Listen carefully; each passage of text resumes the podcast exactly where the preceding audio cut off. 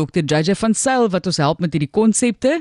Hy's 'n kernfisikus en senior lektor in die departement fisika aan die Universiteit van Stellenbosch en ek het gehoor van hierdie nuwe projek Ehm um, ek gaan maar vir hom vra of ek bekommerd moet wees, maar dis Afrika se eerste diep ondergrondse laboratorium, die Paul Africa Underground Laboratory en dit word beplan daar in die berge by De Tooi Kloof, soos wat ek verstaan dit onder die pas, maar dokter van Sail kan ons daarmee help. Baie welkom dokter.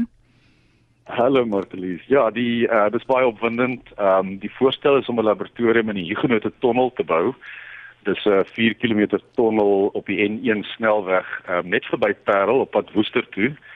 Uh die tonnel is in die 80er jare al oopgemaak. Uh, daar was eintlik twee tonnels gegrawe en die suidboor is nou al in werking oor die laaste paar dekades. En so die nasionale padagentskap het planne om die noordboor wat nog nie verbruik was nie uh oop te maak en op te dateer vir gebruik in die toekoms. Um en hierdie is 'n guldige geleentheid om uh, 'n lab uit te grawe terwyl hulle daaraan werk. Uh en dit is 'n ideale ondergrondse spasie um met maklike toegang. Daar's reeds vir, vir vervoer toegang.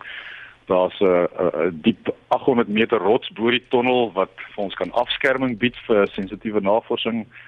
Ehm um, ja, en dit is beter as myne. Daar's diep myne in Suid-Afrika, maar hierdie myne het uh komplikasies in terme van risiko's en veiligheid. So hierdie is hierdie is 'n regtig ideale geleentheid. Ja.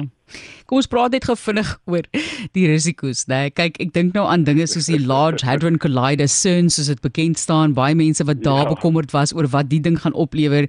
En ek moet nou net sê uh, sover ek kan onthou dokter en ek meen ek was baie jonk daai tyd toe dit oopgemaak is die pas maar ek dink my pa daai pas met gebed geopen en ek dink myself net moet ons maar gebed in gedagte hou hier um, dat hierdie tipe van eksperimente gedoen gaan word uh, naby 'n dorp en onder 'n tonnel wat so baie mense gebruik ja eh, gelukkig dit wat ons wil waarneem ehm um, kom van die buitenste ruimte af in die vorm van byvoorbeeld uh neutrinos en muone en hulle kom na ons toe in elk geval.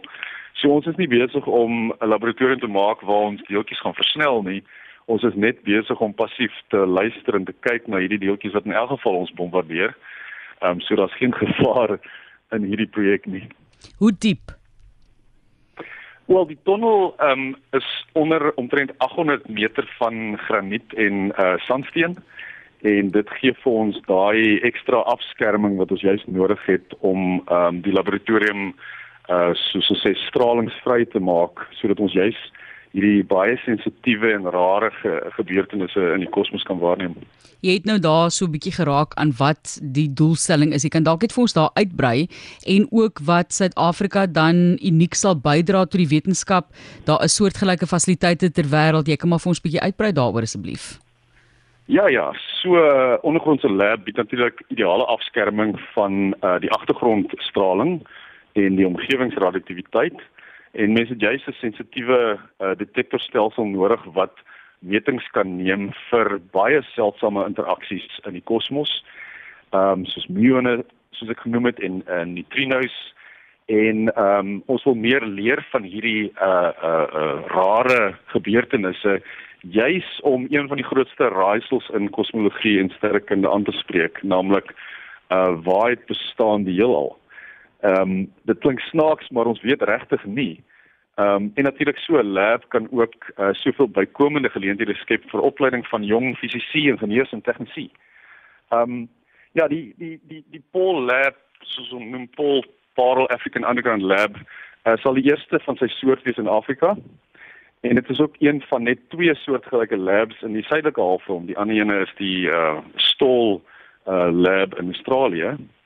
Uh, en dit is een van net 'n dosyn ander ondergrondse labs in die res van die wêreld. So hierdie is regtig 'n unieke geleentheid um, wat Suid-Afrika kan hê om byvoorbeeld te kyk hoe kosmiese strale um, en neutrinos van die buitenste ruimte ruimte wat ons waarneem in die noordelike halfrond vergelyk met dit wat ons in die suidelike halfrond sien. Met ander woorde is daar een van 'n seisonale variasie in in kosmiese strale en en donker materie.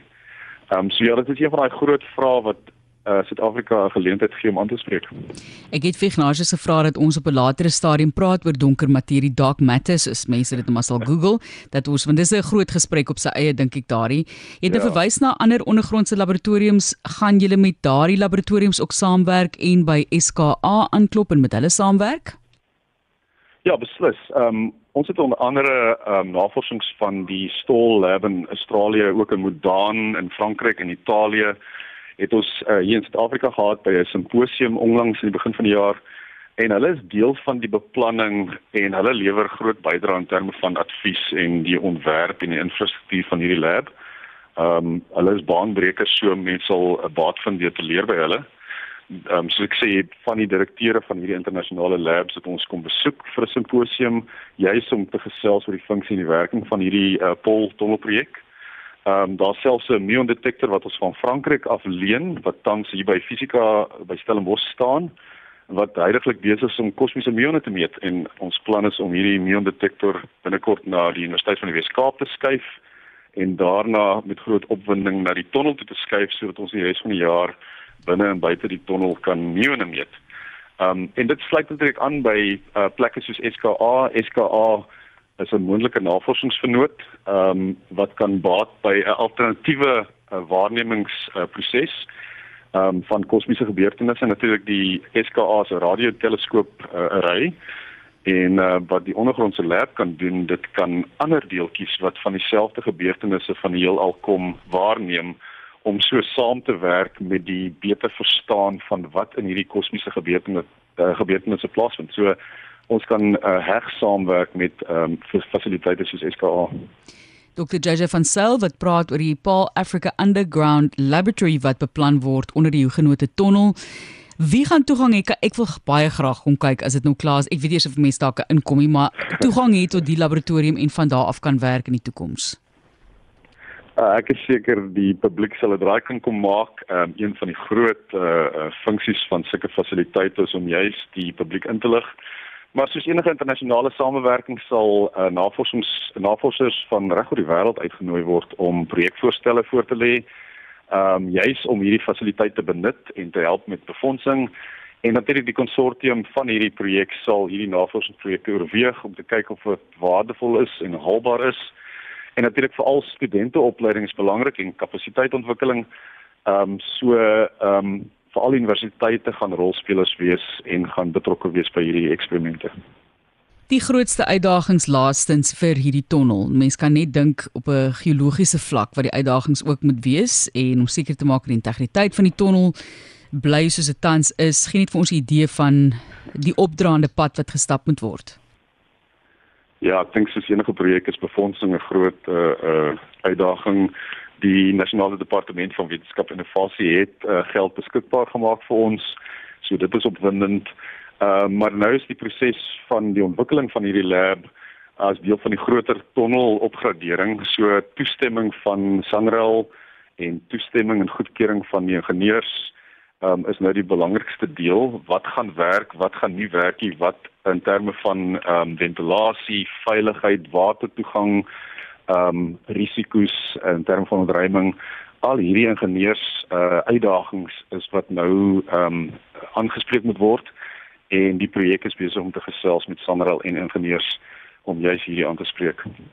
Baie dankie. Ons kan altyd by hom aanklop vir die tipe van gesprekke. Dit is Dr. Jaja van Sail. Hy help ons om die wêreld te verken wat vir ons donker is by tye. Maar ja, dark matter, donker materie in die toekoms met kernfisikus en senior lektor in die departement fisika aan die Universiteit van Stellenbosch en is hy pas aangesluit het. Hulle beplan Afrika se eerste diep ondergrondse laboratorium, die Paul Africa Underground Laboratory toe ek dit raak sien soos ek nie ons moet dadelik uitvind wat hier aangaan dit word beplan daar in die berge by die Tutoy Sloof pas en onder die Igenote tonnel